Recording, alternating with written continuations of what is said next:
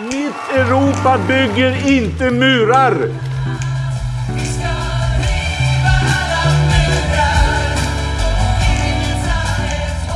Syftet med de åtgärder som vi nu presenterar är att skapa ett andrum för svenskt flyktingmottagande. Mycket av det som regeringen sa igår ställer ju oss vi positiva till och vi tror också att en del av det kan dämpa trycket.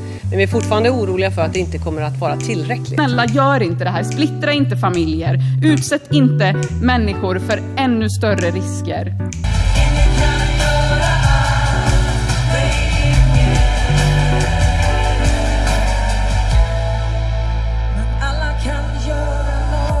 Hej och varmt välkomna till Människor och migration. Podcasten som handlar om migration och om de människor som rör sig över gränser. Jag som pratar nu, jag heter Maja Dahl och jag är kommunikationsansvarig här på Arena Idé som ger ut den här podcasten. Och idag så ska vi prata om Kanada. I en tid då Sverige har ställt om hela sin migrationspolitik, högerpopulismen växer i Europa och Trump smider nya planer för inreseförbud så tittar allt fler mot Kanada. Klipp där premiärminister Justin Trudeau mottar flyktingar med öppna armar sprids över nätet och röster höjs för att Sverige borde ta efter Kanada-modellen. Men hur ser egentligen Kanadas migrationspolitik ut? Hur många människor ger man skydd och hur ser det skyddet ut? Vad kan Sverige lära av Kanada och Stefan Löfven av Justin Trudeau? Ja, det ska vi prata om här idag och med mig för att besvara de här frågorna har jag som vanligt Arena Idés utredningschef, statsvetaren Lisa Pelling. Välkommen! Tack så mycket! Och dessutom har vi med oss en gäst här i studion. Peter Mörkeberg som är Immigration Officer på Kanadas ambassad i Sverige. Välkommen! Hej, tack för att ni bjöd in mig. Ja, kul att du kunde komma. Vad gör egentligen en Immigration Officer? En kanadensisk Immigration Officer bestämmer vem som får komma till Kanada och vem som inte får komma in i Kanada. Och det har jag gjort i nu 32 år. Eh, en del i Sverige men mycket i Mellanöstern, Turkiet, Pakistan eh, och andra ställen på jordklotet. Så vi reser runt. Mm.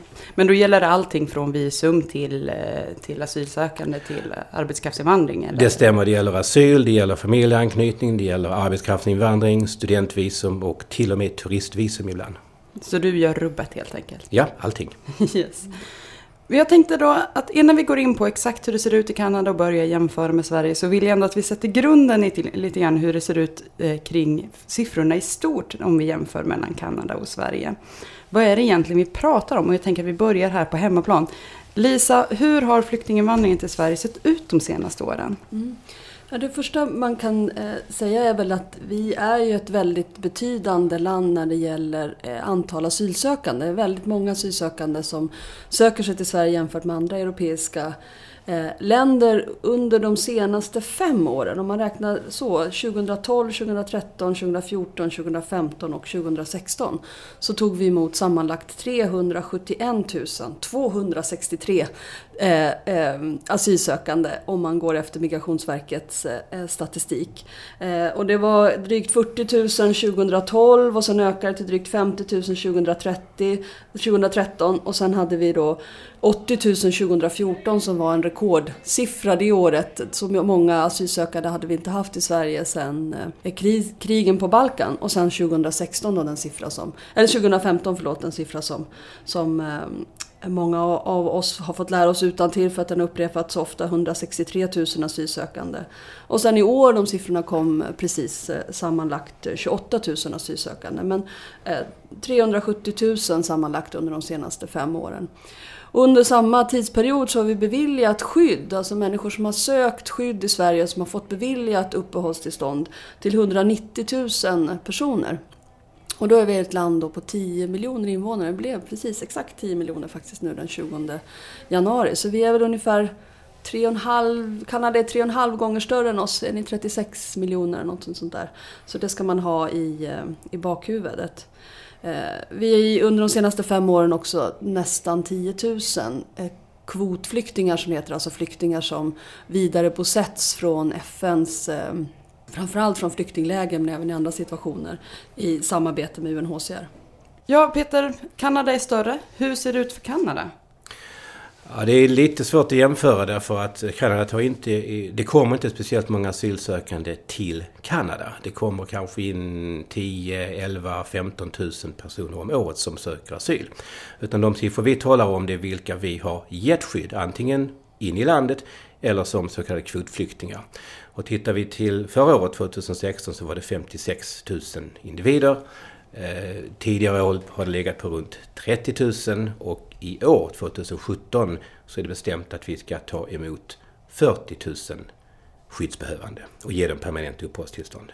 Det, det, skulle man kunna jämföra med den svenska siffran för 2016. 2016 var ju ett exceptionellt år i antal beviljade skydd eftersom så många människor sökte skydd i Sverige 2015. Så under 2016 så beviljade vi faktiskt skydd till 71 000 personer. Så trots att vi i Kanada är tre och en halv gånger större så beviljade vi alltså eh, fler eh, skydd eh, förra året. Mm. Ja, det är korrekt sett till per capita, speciellt i det nuvarande läget så beviljar eh, Sverige eh, uppehållstillstånd till fler flyktingar än vad Kanada gör. Mm. Ska vi komma ihåg att Kanada har en omfattande invandring. Eh, vi ligger på runt 300 000 nya invandrare per år. På tio år så tar man alltså emot tre miljoner människor till. Det är mycket folk. Mm. Vilka grupper är de andra grupperna då? Vi har tre huvudkategorier. Det ena det är flyktingar och skyddsbehövande som vi pratar om här idag.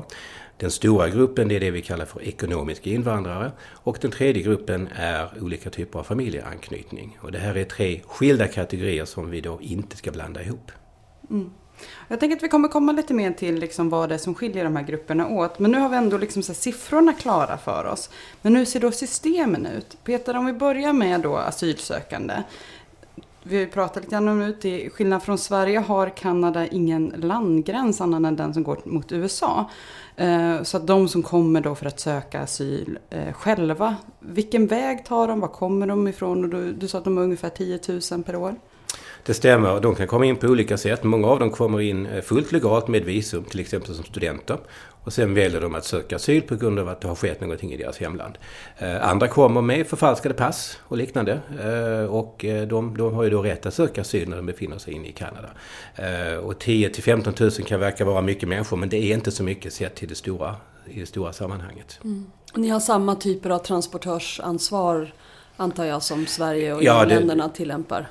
Det, det Ni kräver vi. att man ska ha inresetillstånd när man checkar in på ett, en flight som eh, ska flyga till Kanada ja. eller en båt som eh, har destination Kanada. Det är korrekt och det är också så att när jag sitter och gör en visumbedömning eh, av en person ifrån landet X så gör jag en bedömning om kommer han eller hon att söka asyl i Kanada. Mm. Och om jag bedömer att det finns en risk för det, då säger jag nej. Det är så mm. systemet fungerar. Mm. Och det är ju på samma sätt i Sverige. Ja, det är så i alla västländer ja. skulle jag tro. Eh, det som vi då ofta tänker på när vi pratar om Kanada, det är ju då kvotflyktingarna eh, via UNHCRs kvotflyktingsprogram. Hur ser programmet ut? Alltså, eh, hur många tar ni emot där? Och på, på vilka grunder tar man emot från UNHCR? Det är den största gruppen, det är det vi kallar för Refugees for Resettlement. Och 2016 så tog vi emot 40 000. Och det är personer som eh, vi beviljar i samråd med UNHCR, det vill säga FNs flyktingkommissariat. De kommer med ett antal ärenden till oss som vi sen får bedöma. Eh, sen har vi privat sponsring, men det kan vi gå in på lite senare. Mm. Och hur gör ni den eh, eh, bedömningen är väl spännande. UNHCR presenterar de fall som de anser har högst behov av att lämna den situation de befinner sig i, kan vara i, i grannland till ett konfliktland, i Libanon till exempel, eller i Turkiet. Ja, det sker ju i samråd med oss och då brukar vi säga att vi vill, vi vill ha dem som, som är most vulnerable. Det kan vara äldre personer, det kan vara stora barnfamiljer, det kan vara personer med olika typer av handikapp. Eh, och den bedömning som görs den följer då eh, Genèvekonventionen, det vill säga FNs flyktingkonvention. Eh, och det, det, finns också andra skyddsbehov som är inskrivna i kanadensisk lag som lite mer liknar svensk lag. Mm. Men det gör där ingen bedömning av möjligheten till integration i eh, Kanada? Nej, det finns, det finns inte i lagstiftningen utan det, det är skyddsbehovet som gäller, punkt slut. Mm. Om man då jämför med Sverige, Lisa. Sverige tar emot någonstans kring 2000 kvotflyktingar per år. Ja, precis. Man fattade beslut hösten 2015 om att utöka antalet kvotflyktingar till 5000 till 2018. Så redan i år så kommer det öka ganska kraftigt och nästa år kommer det vara 5000 har man, har man eh, bestämt. Eh, det är ibland svårt att fylla de här kvoterna från år till år för att det är en ibland lite omständig eh, process. Framförallt så har det som har varit problemet i Sverige varit att det var svårt att ordna boenden. Vi har sagt till UNHCR att vi kan ta emot 1900 och sen har man inte lyckats ordna eh, lägenheter. Det finns en del tragiska fall med folk som har hunnit eh, avlida av sina tortyrskador till exempel i väntan på att få bosätta sig i Sverige. Och finns det samma, samma förfrågan om att det är de mest de som är i mest behov av det? Ja, Sverige har tag, satt en ära i att följa UNHCRs rekommendation och inte plocka russinen ur kakan. Andra västländer har gjort det och sagt att de kan tänka sig att ta emot kvotflyktingar under förutsättning att de kan eh, enkelt integreras och då har man tittat till exempel på sånt som utbildningsnivå. Och det har, har, Sverige, som jag har förstått det, vägrat att göra. Däremot så finns det ju folk som i debatten, och den debatten tror jag pågått i Kanada också, om att man gärna vill att kvotflyktingarna till en större del ska bestå av kvinnor. Eh, och det är ju inte alls säkert att det, även om det generellt är så att kvinnor Eh, är de mest utsatta, de mest sårbara, kanske de mest skyddsbehövande som grupp så är det inte säkert att man i varje enskilt fall eh, eh, har det på det sättet. Det kan till exempel handla om en man som har en ett funktionshinder eller, eh, eller av annan anledning behöver lämna ett konfliktområde. Är anledningen till att man tar kvinnor också ett sätt att väga upp att väldigt många av de som kommer till Sverige är män? Ja, den diskussionen har också förts. Att, att man vill väga upp att antalet bland de spontana asylsökande så, så, så brukar majoriteten vara män. Just för att vägen till att söka asyl spontant är så oerhört riskfylld och farlig. Mm. Strapatsrik. Du var ju lite grann inne på det nu Lisa när du pratade om plocka russinen, russinen ur kakan. Och det finns ju en viss förvirring när man pratar om eh, migration och Kanada. Där man ofta blandar ihop att man pratar om att det finns ett poängsystem eh, som Kanada använder. Och det har jag uppfattat det väldigt mycket som att man blandar ihop det med kvotsystemet. Eh, men hur är egentligen det här poängsystemet? Och kan, Peter, kan du berätta lite mer för våra lyssnare? Eh, vad, vad, liksom dela upp det här så att vi förstår och inte blandar ihop det något mer. Ser vi till ekonomisk invandring, arbetskraftsinvandring, så tittar vi, det vill säga Kanada, på vilka behov den kanadensiska arbetsmarknaden har. Och då gör vi bedömningar utifrån en persons ålder, utbildningsnivå, yrkeserfarenhet och språkkunskaper. Och om man då uppfyller de kriterier vi har, då får man ett immigrantvisum och så får man bosätta sig permanent i Kanada. Men när det gäller familjeanknytning, make, maka, föräldrar till exempel, flyktingar, så tittar vi inte alls på deras eh, utbildningsnivå eller yrkeserfarenhet, för det är irrelevant i sammanhanget. Utan det är skyddsbehovet som avgör för flyktingar, det är familjeanknytningen som avgör för familj, men det är arbetsmarknadsbehov som avgör för de ekonomiska invandrarna. Varför blandas det så ofta ihop med kvotflyktingsystemet? För länge, länge, länge sedan, det vill säga 15-20 år sedan, då hade vi faktiskt en klausul i lagen som sa att vi skulle ta hänsyn till integrationspotentialen. Eh, och det ledde till en massa sammanblandningar. Men det är alltså borttaget. i dagen. det finns inget lagstöd för att göra den sortens bedömning när jag gör en asylbedömning till exempel. Mm. Men de, det, det här poängsystemet och de som då kommer som, som arbetskraftsinvandrare, det är den större delen av flyktingarna, eller om, om människorna som kommer och migrerar till Kanada? Det är det helt klart. Vi räknar med att eh, 2017 i år så ska vi ta emot 172 000 ekonomiska invandrare. Eh, och här räknar vi alltså in även deras familjemedlemmar. Mm. Och då kan man jämföra med de svenska siffrorna. Vi beviljar eh, lite drygt 20 000 arbetstillstånd varje år. Så, så knappt 100 000 eh, under de senaste fem åren. Det är inte en obetydlig invandring till Sverige. Men den kan samtidigt inte mäta sig med det antal som, som man tar in i, i Kanada. Det här är vårt stora program och det är det som kallas för bland annat nation building. Ett uttryck som inte förekommer i Europa. Det finns en, en önskan i Kanada att, att bygga vidare på landet, att öka landets befolkning.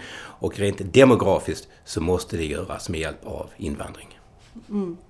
Om man då tittar på, på den svenska arbetskraftsinvandringen. Vi har inte något poängsystem Nej, kan man det- säga någonting om så här, jämförare så att man förstår? Absolut, ja, där finns det ju en väldigt intressant eh, skillnad. Sverige bestämde sig 2008 för att göra en, en väldigt genomgripande reform av eh, arbetskraftsinvandringen. Det är inte så att vi inte hade någon arbetskraftsinvandring innan 2008. Vi hade en ganska omfattande arbetskraftsinvandring innan 2008. Men den var eh, em, underställd en arbetsmarknadsprövning som gick till så att eh, Arbetsmarknadsstyrelsen, AMS och sen efter det eh, Arbetsförmedlingen listade yrken i Sverige utifrån om det var ett bristyrke eller om det var ett yrke där det var överskott på av arbetskraft. Och så tillät man arbetskraftsinvandring enbart till bristyrken, alltså där man visste att det fanns en särskild efterfrågan på kompetens som eh, arbetsgivare inte kunde få tag på i, i Sverige. 2008 så tog man bort Eh, arbetsförmedlingens roll i det hela och lämnade över bedömningen av om det fanns ett behov att rekrytera utanför EU eller inte direkt till arbetsgivaren. Så det system som vi har nu är att om en arbetsgivare har ett behov att rekrytera, man har annonserat i Sverige och inom EU och inte har fått någon lämplig sökande, så har man möjlighet att rekrytera från länder utanför EU oavsett vilken typ av jobb det är. Om det är ett städjobb, om det är ett snickarjobb eller om det är en IT-ingenjör.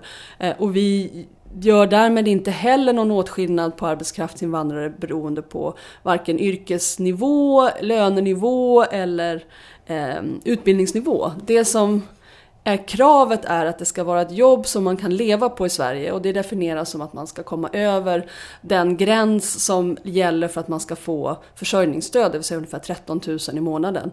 Och lönerna och villkoren får inte understiga de löner och villkor som är eh, eh, eh i nivå med kollektivavtal för den specifika branschen. Vi har både och. Vi har en blandning. Dels så kan en arbetsgivare rekrytera arbetskraft utomlands, men då måste han eller hon motivera att man måste gå just utomlands för att rekrytera. Men de som går på det här som du kallar för poängsystemet, det är alltså personer som kan komma till Kanada utan att ha ett jobb ordnat i förväg. Utan vi bedömer utifrån våra kriterier att de har den bakgrunden och utbildningen att de kommer att få jobb. Och de siffror vi har säger att en invandrare som kommer till Kanada brukar vara i arbete efter eller inom sex månader. Mm. Så det här är den stora skillnaden. Sverige ställer krav på att man ska ha ett anställningserbjudande redan innan och man måste ha arbetstillståndet ordnat innan inresa. Och när det är Kanada så, så måste man så att säga kvalificera sig för programmet innan inresa men man måste inte ha ett specifikt jobb, eller hur? Nej, det stämmer. Vi är mycket generösa på det sättet att om vi bedömer att du har den utbildning och bakgrund som vi söker, då får du ett permanent uppehållstillstånd ifrån dag ett och då är du inne. Och sen är det upp till dig att skaffa ett jobb. Men vi kan inte bli av med dig därför att du inte skaffar ett jobb. Mm. Men vår bedömning är alltså att du har de egenskaperna som, som krävs för att kunna etablera dig på arbetsmarknaden. Mm. Och etablerar man sig på arbetsmarknaden då är etableringen i landet förstås väsentligt mycket enklare. Gäller det också arbetsgivare som rekryterar utomlands? Har de också möjlighet att genom att erbjuda ett jobb så att säga få eh, ge den här personen ett permanent uppehållstillstånd? Ja, det är permanent. De kan ta in folk på tillfälliga arbetstillstånd men det är lite av en annan kategori som vi inte behöver gå in på här idag. Mm. Men ja då, de, de, kan erbjuda ett fast jobb och då, då kommer man in. Det görs en arbetsmarknadsprövning där även myndigheterna är inblandade i den delen. Så arbetsgivarna får inte fritt lov att rekrytera vem som helst. Mm. Ja, för det här är också en, en, viktig skillnad som infördes i Sverige 2008. Det system som vi hade tidigare var arbetsmarknadsprövat, det vill säga om det var ett yrke där Arbetsförmedlingen bedömde det här är ett yrke där det finns ett överskott av arbetskraft redan i Sverige. Då fick inte arbetsgivare rekrytera från personer utanför EU. Men gjorde man en bedömning att det var ett bristyrke, brist på kompetens i Sverige, kunde arbetsgivare rekrytera utanför EU och då fick arbetskraftsinvandrarna också ett permanent uppehållstillstånd, vilket ju eh, i mitt perspektiv var helt avgörande för att eh, man ska kunna upprätthålla vettiga villkor. Det är ju den trygghet som gör att man kan våga förhandla om en bättre lön, bättre villkor, gå med i facket. Eh, så det här var en, en, en stor skillnad mot tidigare. Nu beviljas samtliga arbetskraftsinvandrare tidsbegränsade tillstånd och inget tillstånd får vara längre än max två år. Och första gången man eh, får eh, tillståndet förlängt så är det också en förlängning med max två år. Och man kan bara ansöka om permanent uppehållstillstånd i Sverige om man har jobbat i, i Sverige under fyra år inom en period av högst sju år. Då har man möjlighet att få permanent, eller ansöka om permanent uppehållstillstånd. Så det är en stor skillnad jämfört med Kanada och jämfört med hur det svenska systemet var tidigare. Vi, vi har också det perspektivet att vi vill beivra missbruk av systemet och det är därför som det finns en myndighetskontroll av de arbetsgivarna som erbjuder jobbet. Finns jobbet egentligen? Det, det, det vet vi av, av, erfarenhet att man måste ha en viss myndighetskontroll på ett sånt som sker. Mm. Mm. Och det är ju en sån sak som man har pratat ganska mycket om i Sverige att eh, det är arbetserbjudande som arbetsgivaren ger ut Um, inte, alltså de inte fucking kollar dem. Mm. Men sen om personer kommer hit att det faktiskt är det som hålls. Precis. Finns det någonting man kan lära sig där om hur man jobbar i Kanada, Lisa? Ja, ett, ett, eh, jag vet inte, det kanske Peter bäst som kan, kan svara som, som kan det kanadensiska systemet i, i, i detalj. Men det som man har uppmärksammat i Sverige är ju att det arbetserbjudande som en arbetskraftsinvandrare får, som skickas till Irak eller skickas till Sydafrika eller skickas till Australien, inte är juridiskt bindande. Det arbetserbjudandet går Migrationsverket igenom. Är det så att det uppfyller kriterierna? Tjänar man så mycket per månad att man kommer över 13 000? Är villkoren sådana som motsvarar den som gäller för kollektivavtal i den här branschen. Migrationsverket frågar facket, stämmer det här att det här är ungefär kollektivavtalet i branschen? Men sen är det här arbetserbjudandet inte juridiskt bindande. Så det finns egentligen inget så att säga, hinder för arbetsgivaren att sen när arbetskraftsinvandrare väl är på plats i Sverige ändra villkoren och den som drabbas av att villkoren ändras, om de ändras så pass mycket att man kommer under det som krävs, till exempel om man sen inte tjänar 13 000 i månaden eller om det visar sig att arbetsgivaren inte betalar den försäkring som är eh, det som krävs för att komma i nivå med kollektivavtalet. Då är det arbetskraftsinvandraren som förlorar sitt uppehållstillstånd i Sverige och måste återvända, vilket ju kan vara Ja, man kan få ganska eh, dramatiska konsekvenser för den enskilda personen som har investerat resa, tid, ja, hade kunnat jobba någon annanstans, kan vara en väldigt utsatt eh, situation i det, i det läget. Mm. Så det som man från fackliga organisationer här i Sverige har drivit är ju att det här arbetserbjudandet ska ha en, en, en, en juridiskt bindande verkan så att arbetskraftsinvandrare har möjlighet att liksom se till att de här villkoren verkligen håller när man är på platsen. Ja, här är det en skillnad mellan Sverige och Kanada. För det första finns det en begreppsskillnad. När vi talar om invandrare så säger vi immigration och då talar vi enbart om de som har permanent uppehållstillstånd. Kommer du dit med permanent uppehållstillstånd så är du kvar livet ut om du så önskar. Sen har vi de som är tillfälliga arbetstillstånd och det är kanske mer de du talar om.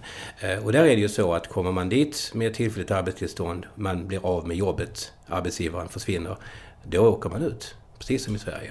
Men har man kommit dit med permanent uppehållstillstånd, då finns det ingen grund för att avvisa eller utvisa eller, eller bli av med personen, vilket vi heller inte önskar. Mm, och proportionen i, när du pratar om invandringen till Kanada, så är den, den, den, stora majoriteten av de uppehållstillstånd som beviljas är permanenta uppehållstillstånd och så finns det ett Nej, mindre det antal säsongsarbetstillstånd. Det är 50-50 mm, okay, och där räknar vi också studentvisum. Så vi räknar med att vi har ungefär 300 000 personer om året som kommer in på tillfälliga tillstånd. Eh, och det är därför som det är noga att göra distinktionen mellan permanent och, och tillfälligt. Mm. Du var inne på det tidigare Peter, att ett annat sätt att ta sig till Kanada är via då det här sponsringsprogrammet som, som finns. Kan du beskriva lite grann hur det funkar för, för lyssnarna? Ja, det här går tillbaka till båtflyktingarna från Vietnam på 1970-talet. Eh, många som kom ut, många som ville ta sig vidare och Kanada som de flesta andra västländer tyckte att man mäktade inte ta emot speciellt många. Då blev det en sån opinion att man ville göra det på ett privat sätt. Och då kom man fram till att om man har personer i Kanada som är villiga att hjälpa flyktingarna när de väl har anlänt, då kan de ingå ett avtal med staten. Det kallas för sponsring. Jag tycker det är ett olyck, olyckligt uttryck på svenska. Jag skulle föredra begreppet ideell flyktingmottagning. Det går i korthet ut på att om en eh, asylsökande, en, en person med skyddsbehov i utlandet, har någon kontakt i Kanada så kan den här kontakten i Kanada bilda en grupp på fem personer. Det kan också vara en församling, en förening som säger att den här personen hjälper vi när vederbörande har anlänt till Kanada under det första året. Det är fortfarande vi som myndighet som fattar det faktiska asylbeslutet. De måste ha asylskäl på riktigt. Om vi har fattat det beslutet, då kommer de till Kanada och då blir de omhändertagna av den här ideella gruppen eh, utan någon egentlig statlig inblandning under det första året. Eh, bostad, uppehälle, kläder, en mängd praktiska saker. Var finns tandläkaren? Hur går man till frisören? och så vidare. Och det är ett program som har visat sig fungera väldigt väl. Sedan 70-talet har vi tagit emot cirka 250 000 personer på ideellt flyktingmottagande.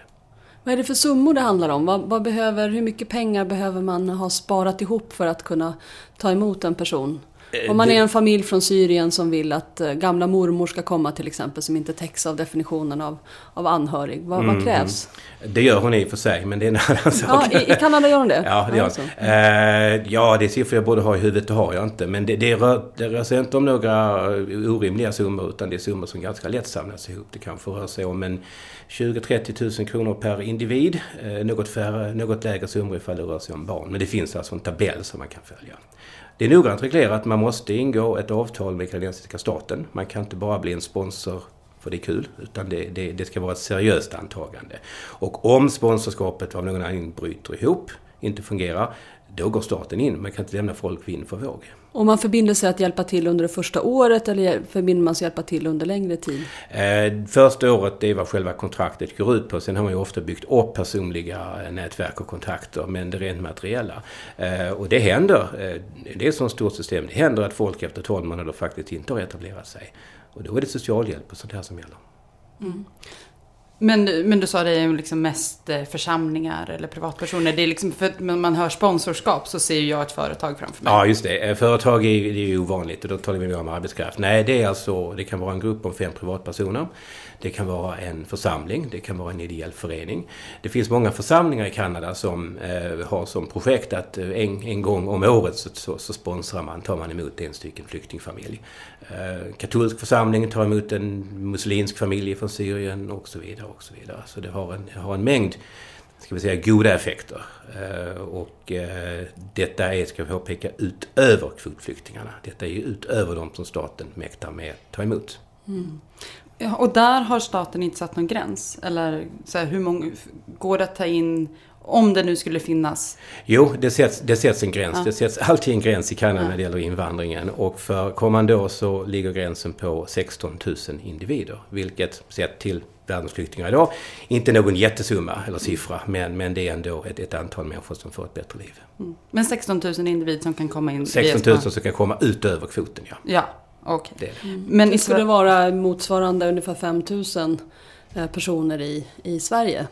säga. Mm. Och i Sverige så har vi inte alls det här sponsoringssystemet, Lisa.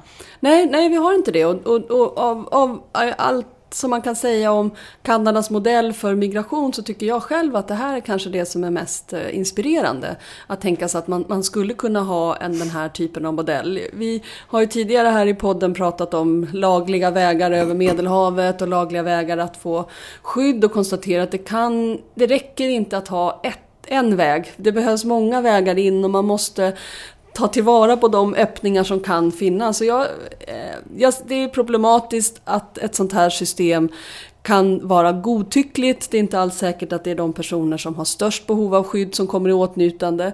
Men jag skulle kunna tänka mig att eh, människor från Syrien som plågas av att deras anhöriga är kvar i bombregnet i Aleppo på alla sätt skulle föredra att lägga pengarna på den här typen av ideell flyktingmottagning istället för att, som man tvingas göra nu, betala för smugglingen över, över Medelhavet.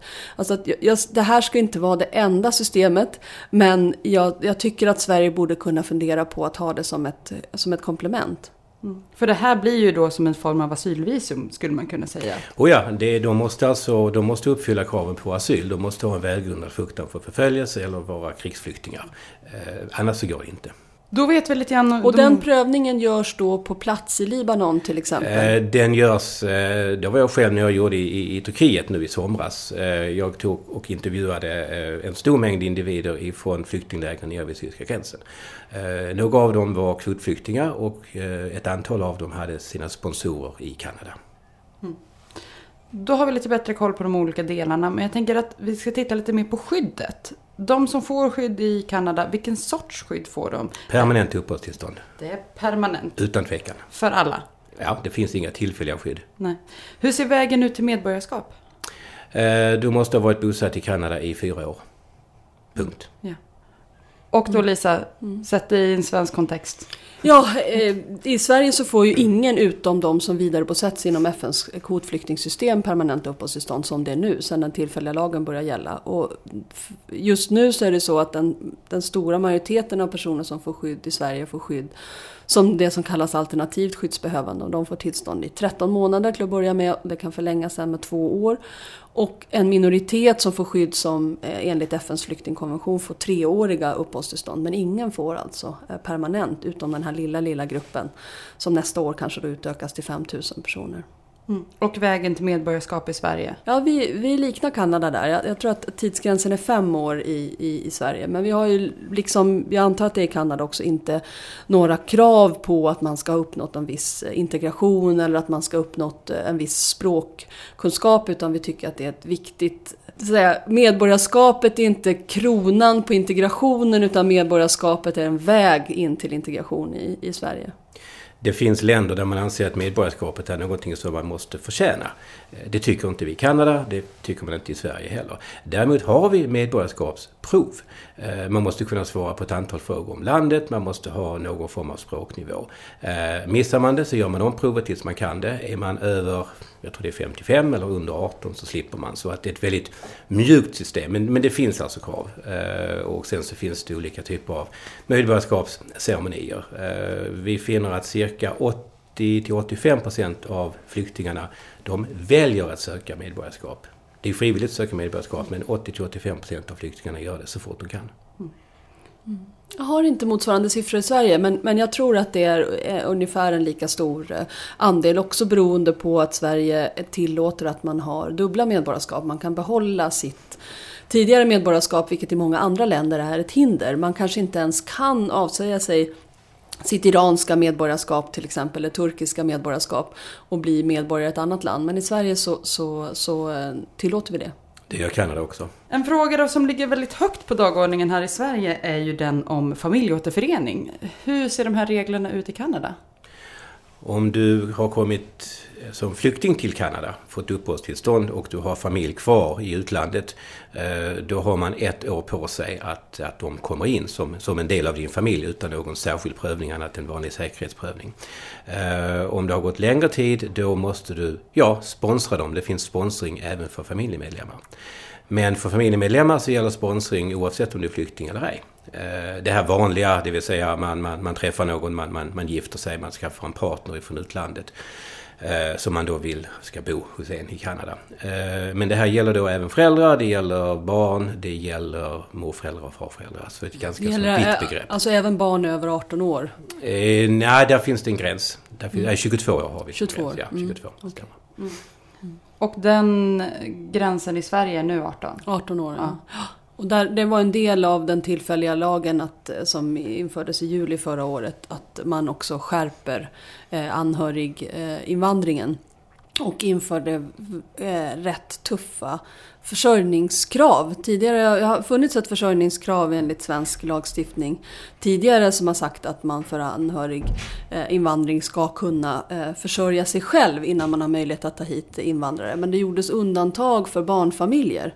Och det undantaget har tagits bort och dessutom är det så att man ställer krav på att man inte bara ska kunna försörja sig själv utan även den familj som kommer till Sverige. Så är man en, en pappa som har kommit först och fru och tre barn så ska man kunna försörja eh, fem personer och ha en lägenhet för fem personer.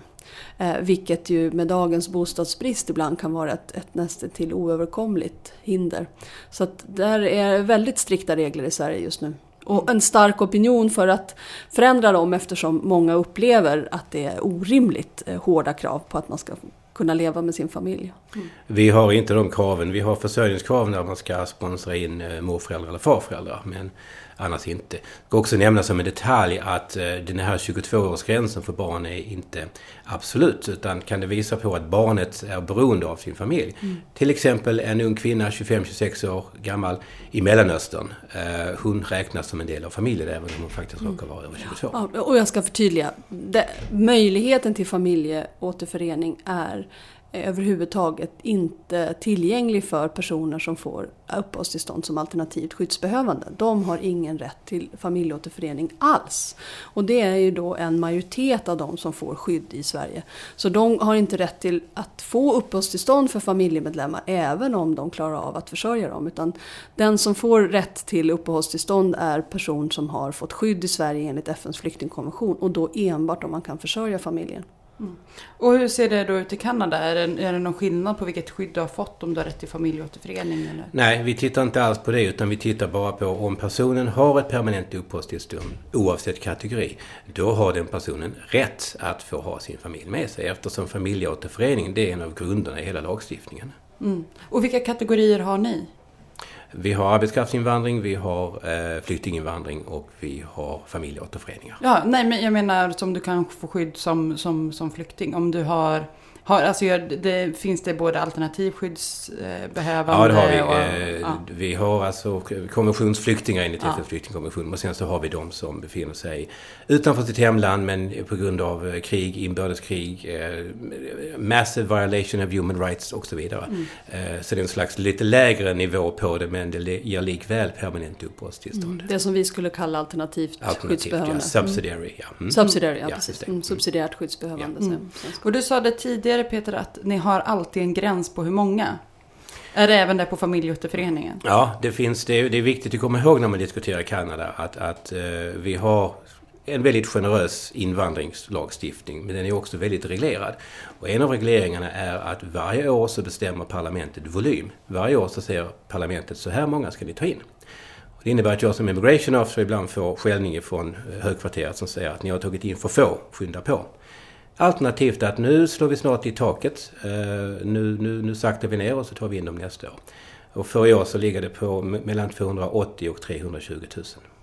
Det gäller alltså även personer som har identifierade skyddsbehov. Även där kan man så att säga så här, Kanada säger vi ser att du har behov av skydd i Kanada, vi ser att du har ansökt om skydd i Kanada, men du söker den 12 december och kvoten är fylld för i år. Du måste vänta i den här farliga situationen där du hotas av förföljelse och tortyr till den 1 januari. Eh, det finns möjligheter på marginalen att gå in på on a case by case basis om det verkligen behövs. I praktiken är det så att de, nästan alla som vi väljer ut de finns ju eh, under ordnade former mer eller mindre i, i, i flyktinglägren eller de kanske till och med bor privat. Och ifall det bara rör sig om några veckor då är det, då är det egalt. Eh, så att det, det hänger ihop med, med hur lång, lång processen är. Mm. Hur bestäms den, den siffran i parlamentet? På, på, på vilka grunder bestämmer man, liksom, delar man upp det? Ja, det är en, många- enligt god kanadensisk tradition med konsultationer med stakeholders. Man pratar med provinserna, man pratar med kommunerna, man pratar med ideella organisationer, man pratar med näringslivet, man pratar med facket, man pratar med precis alla. Eh, och då kommer man fram till en ungefärlig siffra och det hänger ihop med till exempel vad klarar infrastrukturen av? Finns det vissa delar av landet som har större behov än andra? Det finns de som skriker efter folk och det finns de som med rätta säger att nu känns det lite väl mycket för närvarande och då försöker man balansera detta. Och får delstaterna då möjlighet att säga till också om hur de, man tycker att den här kvoten ska fördelas? Hur många av dem som ska vara skyddsbehövande? Hur många av dem som ska vara ekonomiska migranter eller arbetskraftsinvandrare? Inte egentligen, men i praktiken så tar man hänsyn till var folk faktiskt kan bosätta sig, skaffa bostad och skaffa jobb och sådana här saker. Sen har provinserna också stort inflytande och kan ha sina egna immigrationsprogram. Om eh, provinsen Alberta säger att nu behöver vi 3000 oljearbetare till, eh, då får de lov att ta in det. Det är visserligen vi på federala sidan som bestämmer i slutänden, men, men vi tar hänsyn till deras behov. Så det här innebär också att det är möjligt att Kanadas invandring kan variera kraftigt från år till år. Skulle ni råka välja en Trump istället för en Trudeau så skulle systemet kunna ändras till en kvot på, på väldigt lite. Det är politiska beslut, men eh, de senaste åren, under alla de 30 år som jag har jobbat, så har vi legat på mellan 250 000 och 300 000 invandrare per år. Så det, det, är, det är ett stabilt system, för det finns en stor acceptans eh, i Kanada. Eh, En, en, en, en tro, en vilja som säger att eh, invandring är i grunden någonting som är bra för landet. Finns det där någonting man i, från ett svenskt perspektiv borde ta efter? Ja, den, den, den kanadensiska modellen när det gäller hur man definierar sig själv som land är, är definitivt inspirerande och borde inspirera fler av, av länderna. Jag, jag, jag kan ju tycka att Sverige liksom är lite på väg att skaffa sig en sån kanadensisk självbild. Att många av oss upplever när man reser ut i världen att Sverige trots allt är ett land som är stolt över att vi ger många människor skydd, som är stolt över att vi har en, en jämfört med många europeiska länder, en schysst eh, politik för arbetskraftsinvandring där det är möjligt att om du har en viss hantverksskicklighet eller om du hittar ett jobb i Sverige så får du faktiskt åka dit och ta det jobbet. Det finns liksom ingen eh, eh, inga onödiga hinder till det. Sen har den här självbilden fått en rejäl törn såklart med den tillfälliga lagstiftningen förra, förra året. Men, men det här att liksom bygga en, en nationell självbild om man vill, även om nation är ett befläckat begrepp i den här, i den här eh, kontexten, men en, en, en, en självbild som handlar om att vi är ett öppet land, vi är ett land som bejakar att människor flyttar hit, vi är ett tolerant land. Eh, det, det är väldigt inspirerande. Och det finns ju forskning på, på det tyckte jag själv var, var spännande. Människor som i Kanada betraktar sig som nationalister är personer som är eh, för eh, en större invandring. Medan personer som betraktar sig som icke-nationalister, eh, så att säga, som inte, eftersom det här att vara nationalist i Kanada så väldigt mycket är att ställa upp på den här självbilden, kan vara mer restriktiva mot, mot migration. Eh, vilket ju är helt annorlunda i, i Europa. Det är lite som uppvända, upp och nervända världen att höra en sån sak ur ett svenskt perspektiv. Ja, jag tänker att vi går vidare och pratar lite grann om integration, för det är ändå liksom starkt sammanknutet till migrationen. Hur funkar integrationen i Kanada? Hur lång tid tar det innan människor till exempel då kommer ut i jobb? Det beror på kategori. Som jag nämnde så arbetskraftsinvandrarna, de brukar vara i arbete inom sex månader, vilket ju är, är väldigt bra får man säga. Eh, intressant att titta på flyktinginvandringen. När vi tittar på de som är kvotflyktingar så efter två år så har 47 procent någon form av försörjning. Eh, tittar vi på de som har kommit in ideellt, alltså privat sponsring, då är det 69 procent som har egen försörjning. Så det är en rätt väsentlig skillnad där. Eh, och den ser vi år efter år efter år. Lisa, i Sverige, hur lång tid tar det? Det man kan säga i, i, i Sverige är ju att det också väldigt mycket beror på eh, hur länge man har, har varit här. Det, det vi kan se generellt är att vi har en väldigt hög sysselsättningsnivå för utrikes födda. Jämför man Sverige med andra europeiska länder till exempel så har utrikes födda i Sverige större, eh, det är större sannolikhet att de är sysselsatta än inrikes födda i Grekland och i, i Italien till exempel. Så vi har en väldigt hög sysselsättningsnivå generellt och den drar med sig även människor som flyttar hit. Men Även får om det är vi så inte att, också kritik för att det tar väldigt lång tid?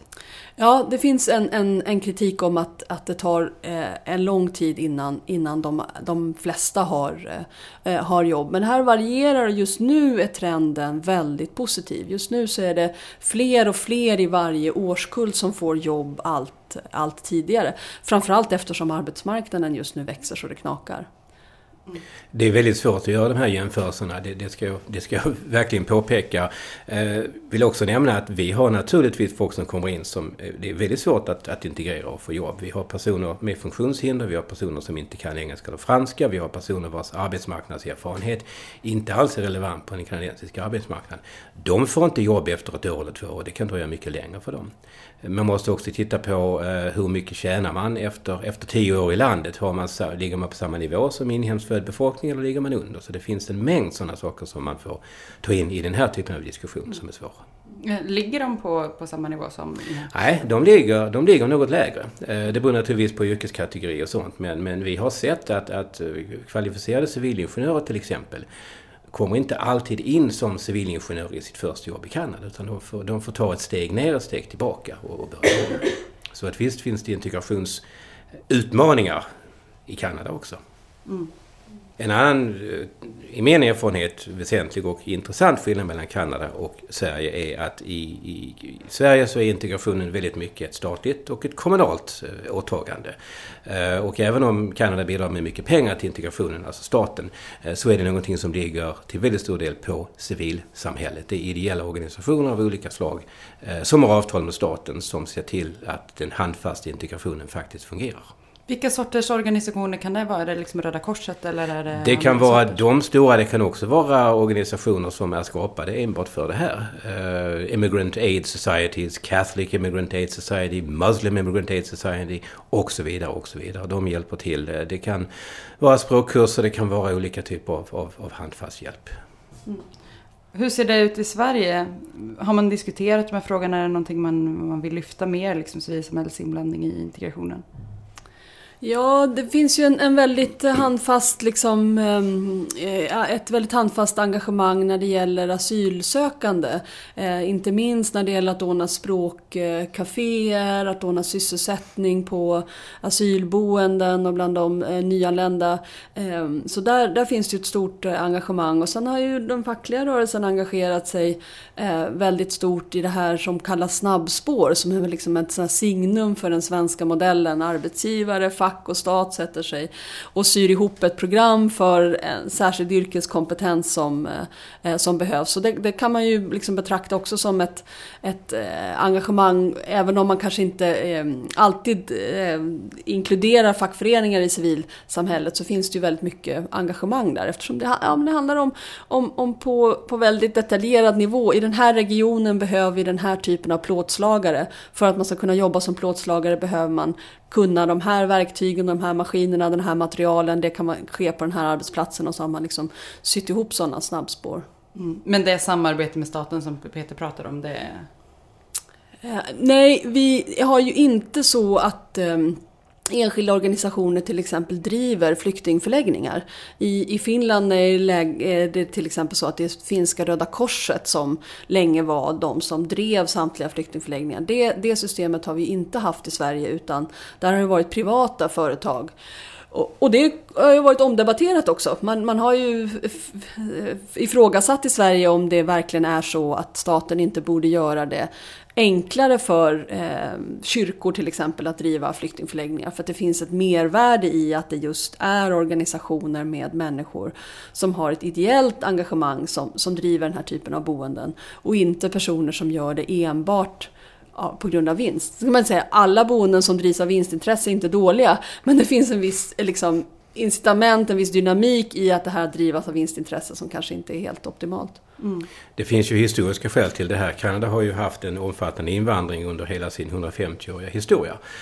Och i början så var det egentligen att den, den egna gruppen hjälpte de de egna som kom in. Och sen har det här utvecklats och blivit formaliserat. Eh, staten har en, en roll att spela i det här. Staten har, har kontroll. Man ingår alltså avtal med staten. Det är inte någonting hej vilt vilda västern. Eh, och staten bidrar med pengar. Ligger på ungefär 6,1 miljarder eh, kronor per år i integrationsåtgärder. Mm. Om vi går vidare och tittar lite grann på boendesituationen. Alltså är det lätt för nyanlända att få bostad och vilket boende får man när man kommer i Kanada? Det, beror, det, finns inga flyktingförläggningar i Kanada. Det är det första eftersom det är trots allt så pass få som söker asyl inne i landet. Och det varierar. Vill du bo i centrala Vancouver i en skyskrapa så är det rätt svårt. Men om du kan tänka dig bo någon annanstans så är det inte så svårt. Så att vi ser inte bostadssituationen som ett stort problem även om det säkert finns problem på vissa enskilda orter i Kanada. Mm.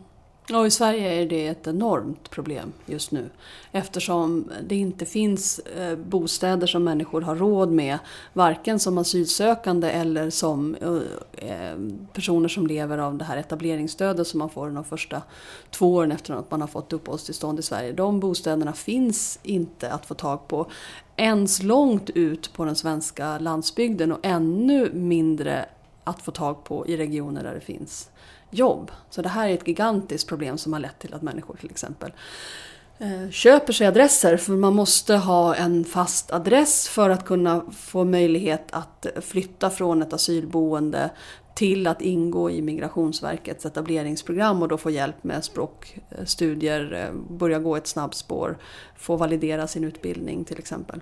Mm. Men nu säger Peter att, att, vi, att i Kanada finns, inte det, finns knappt några flyktingförläggningar för att man kommer inte in den vägen. Är det här någonting som, som man liksom ur ett svenskt perspektiv ska se sig, ja vi har också problem att hitta boende för flyktingar den här första tiden. Vi har haft problem med att få fram tillräckligt mycket flyktingboenden under då 2015 framförallt.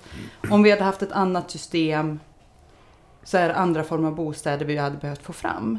Är det någonting där som man ska tänka om, ta efter? Eller får vi bara inse att vi har olika former av eh, invandring och därför så finns det helt andra modeller vi måste anpassa oss till. Alltså det kan ju framstå som väldigt attraktivt att kunna planera. Jag tror att det är liksom varje kommunpolitikers våta dröm.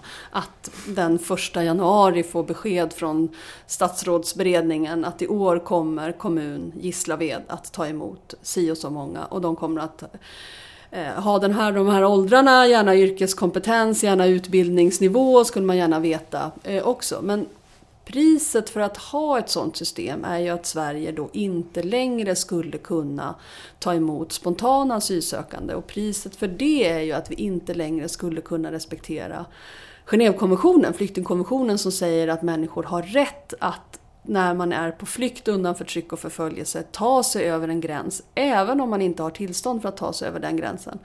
Och konsekvenserna igen då av att Sverige skulle säga vi respekterar inte längre flyktingkonventionen, vi tänker inte längre pröva människors rätt till skydd om man spontant har tagit sig in över vår gräns, är ju att det skulle trigga en reaktion i andra länder. Andra länder skulle också välja att inte längre respektera flyktingkonventionen. Och då skulle vi få en väldigt, väldigt allvarlig situation i världen. För de allra flesta flyktingars situation är beroende av att länder gör just det. Inte perfekt, men någorlunda respektera att människor får gå över gränsen. Mm, samtidigt så ser vi nu att vi har byggt upp ett system, självklart då med EUs hjälp kring gränskontroller som gör att, ja, som Peter sa, Kanada får ungefär 10 000 eh, asylsökande per år som kommer spontant in över gränsen. Sverige fick eh, 2016 26 000. Mm. Börjar vi inte ändå närma oss då att faktiskt behöva bygga upp ett sånt här system om vi vill fortsätta att ha ett flyktingmottagande? Mm. Jo, man kan ju säga att, att de facto har ju många europeiska länder slutat respektera FNs flyktingkonvention. Att det är de facto resultatet av eh, e EUs avtal med Turkiet till exempel. Och också direkt konsekvensen. När EU sa vi tänker inte längre ta emot och pröva ansökningar från personer som kommer från Turkiet över, över eh, Egeiska havet till, till Grekland ledde till att Turkiet eh, upplevde sig tvungen att stänga gränsen mot Syrien och stänga in människor i det syriska blodbadet. Så det är en direkt konsekvens av att EU agerar på det sättet. Jag, jag tycker att man, man skulle kunna liksom laborera med olika system här. Jag tycker definitivt att om det är så under några år att antalet spontana asylsökande är lågt, oavsett vad det eh, beror på. Det är ju så att säga utan, utom Sveriges kontroll just nu att så få lyckas ta sig hit. Att man istället skulle bereda ett större antal personer skydd på andra sätt. Det är jättebra att man har beslutat att öka antalet personer som man vidarebosätter via UNHCRs kvot. Men jag tycker också att man skulle kunna kombinera med någon form av asylvisum. Varför inte någon form av eh, sponsringssystem som man har i, i, i Kanada? Och, och, det handlar ju då om ett beslut om att man från statsrådsberedningen ska skicka beskedet till Gislaved. Under de närmaste tio åren vill vi att ni har beredskap för att varje år ta emot 2000 nya personer. Och de kommer antingen vara personer som kommer spontant eller om människor inte kommer spontant så kommer det att vara personer som vi så att säga hämtar hit. Jag lägger till att flykt är ju väldigt mycket en fråga om geografi. De allra flesta flyktingar utanför sitt hemland finns i direkt anslutning till, till hemlandet i Turkiet, Pakistan, Libanon och Jordanien och så vidare. Eh, jag har gjort tankeexperimentet att ifall Kanada under 2016 hade tagit emot lika många spontan flyktingsökande som Sverige per capita-mässigt så skulle det ha varit ungefär 567 000 asylsökande. Mm. Och då hade vi säkert haft en helt annan diskussion i Kanada. Då hade vi säkert haft en diskussion om bostäder, utbildning och så vidare. Men det är teori, för det är inte så, för vi har Atlanten på ena sidan och Stilla havet på andra sidan. Mm. Och den välbevakade gränsen till USA? Inte sådär väldigt välbevakad, men det finns en gräns där. Man ja. måste ta sig, de måste ta sig till Nordamerika på något ja. sätt och det, det är inte helt lätt. Vi är ändå inne lite grann på det här eh, just nu, men jag vill ändå att vi tar det som en sista fråga och diskuterar för och nackdelar Sverige, Kanada. Eh, vad skulle ni säga att det finns för för och nackdelar med systemen? Eh, och varför lyfts Kanada allt mer upp som en förebild internationellt, Peter? Det är väldigt svårt att jämföra Sverige och Kanada. Det är olika historiska kontexter, det är olika geografiska kontexter. Så att man kan väl ta best practices och plocka russinen ur kakan. Som jag sagt tidigare så är Kanada generöst, ja, men också kraftigt reglerat. Jag skulle vilja vända på vad Pippi Långstrump säger. Hon säger ju att eh, den som är väldigt stark måste också vara väldigt snäll. Man kan också säga att den som är väldigt snäll måste också vara väldigt stark. Lisa, vad säger du? Ja, jag, jag, jag, skulle säga att det vi kan eh, inspireras av är ju hur man ser på sig själv, den, den, liksom, det självbild som Kanada ger sig själva. Man kan inspireras säkert av hur man involverar civilsamhället i både flyktingmottagande och i integrationspolitiken. Däremot så tror jag att det är väldigt farligt att tro att man som Kanada med Sveriges läge skulle kunna ha den extremt kontrollerade asylinvandringen. Det, det finns inte på kartan bokstavligen talat för, för Sveriges eh, del. Vi måste ha en beredskap för att människor spontant tar sig över den, den svenska gränsen och söker asyl. Men med det sagt så finns det ingen anledning tycker jag att inte eh, planera för en visst antal personer som kommer in och sen låta de här kvoterna så att säga vara kommunicerande kärl. Kommer det många eh, spontant då kommer det lite färre eh, på andra kvoter. Kommer det få spontant, ja då kan man så att säga eh, eh öka antalet personer som man eh, lägger in till kvot. Men det var väldigt farligt att säga att vi ska ha en eh, enbart kvot. För det skulle innebära att vi tvingades överge FNs flyktingkonvention. Och det skulle få stora och, och, och, och, farliga konsekvenser. Mm. Men, du sa det innan att det finns liksom en lockelse att kunna sätta de här siffrorna. Och det märker vi ofta när man är ute och pratar om migration i Sverige. Att mm, framförallt efter 2015 att så här, vi kan inte ta in så många som det hände 2015 samt som det finns en ovilja att sätta den siffran. Är det kanske så att vi har kommit till en situation nu där vi måste börja sätta den siffran så som Kanada har gjort, Lisa? Ja, det finns ju personer som som argumenterar för att vi skulle ta emot fler människor om det var så att invandringen var reglerad i antal. Så man bara visste hur många som ska komma till Gislaved så kommer Gislaved vilja ta emot fler. Jag är inte alls säker på att det förhåller sig på det sättet. Jag tror inte att Sverige hade tagit emot 163 000 asylsökande. Jag tror inte att vi hade gett skydd till 130 000 människor från Syrien sedan inbördeskriget startade om det var så att vi hade eh, planerat detta. Det, det tror jag inte. Däremot så, så, så tror jag att vi i det här läget, när gränserna är stängda, skulle kunna ge skydd åt fler om vi hade andra vägar in. Om vi hade asylvisum, man hade möjlighet för familjer att själva ta hit anhöriga mot att, att man förbinder sig att stå för deras försörjning under det första året eh, till exempel. Det, det, det, det tror jag skulle kunna vara ett, ett komplement. Med det sagt så är det dags att avsluta dagens avsnitt. Tack Lisa Pelling och Peter Markberg för att ni tog er tid att prata med mig om detta.